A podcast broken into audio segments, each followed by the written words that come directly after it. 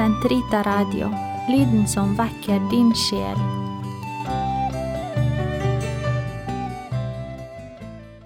Den katolske kirkes katekisme, uke fire, tirsdag, paragraf 80 til 87.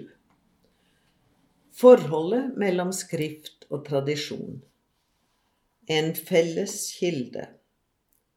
Den hellige tradisjon og Den hellige skrift er nær forbundet og forenet, for begge idet de springer frem av den samme guddommelige kilde, smelter på et vis sammen og arbeider mot det samme mål.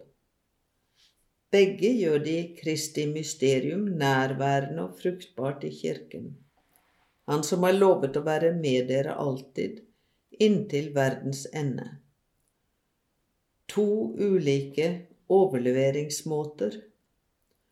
Den hellige skrift er Guds tale, for så vidt som den er blitt skrevet ned under Den hellige ånds inspirasjon. Den hellige tradisjon fører Guds ord, betrodd til apostlene av Kristus og Den hellige ånd, videre til apostlenes etterfølgere med det oppdrag at de, i lys av sannhetens ånd, trofast skal ta vare på det i sin forkynnelse, fremlegge det og utbre det.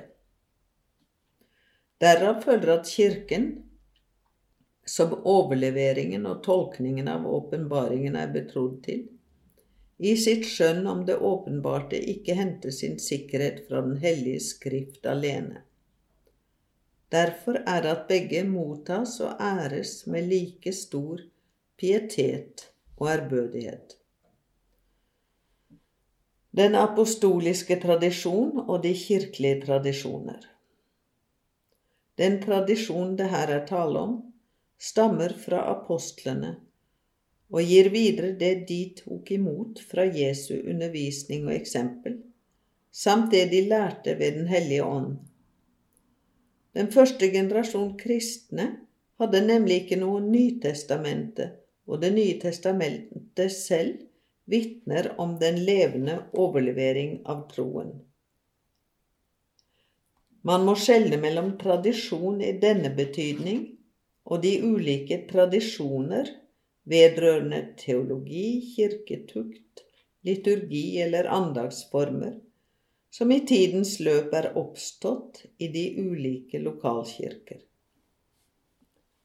Disse utgjør forskjellige utforminger av den store tradisjon som er tilpasset ulike steder og ulike tidsepoker. I lys av tradisjonen kan de bevares, forandres eller til og med oppgis under veiledning av Kirkens læreembete. 3. Utlegningen av trosarven. Troens skatt er gitt hele Kirken i varetekt. Eh, troens hellige skatt, depositum fidei, som utgjør innholdet av den hellige tradisjon og Den hellige skrift, betrodde apostlene til Kirken som helhet.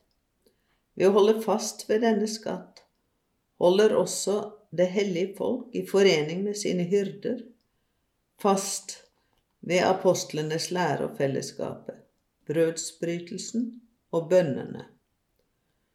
Således blir det en egen samstemthet mellom de troende og deres åndelige ledere ved det at de holder, utøver og bekjenner den tro som er blitt overlevert dem. Kirkens lærembete eller magisterium. Det er til Kirkens levende læreembete hvis autoritet utøves i Jesu Kristi navn, og til det alene at oppdraget om autentisk å tolke Guds ord både i Skriften og i tradisjonen er blitt betrodd. Det vil si til biskopene i kommunion med Peters etterfølger, biskopen av Roma. Dette læreembetet står ikke over Guds ord, men er dets tjener og lærer ikke annet enn det som er blitt overlevert. For Gud har villet at det med Den hellige ånds bistand skal lytte andektig til dette ord, bevare det uten svikt, fremlegge det med trofasthet, og det er fra denne ene troens skatt at læreembetet henter alt hva det fremsetter som guddommelig åpenbart og gjenstand for tro.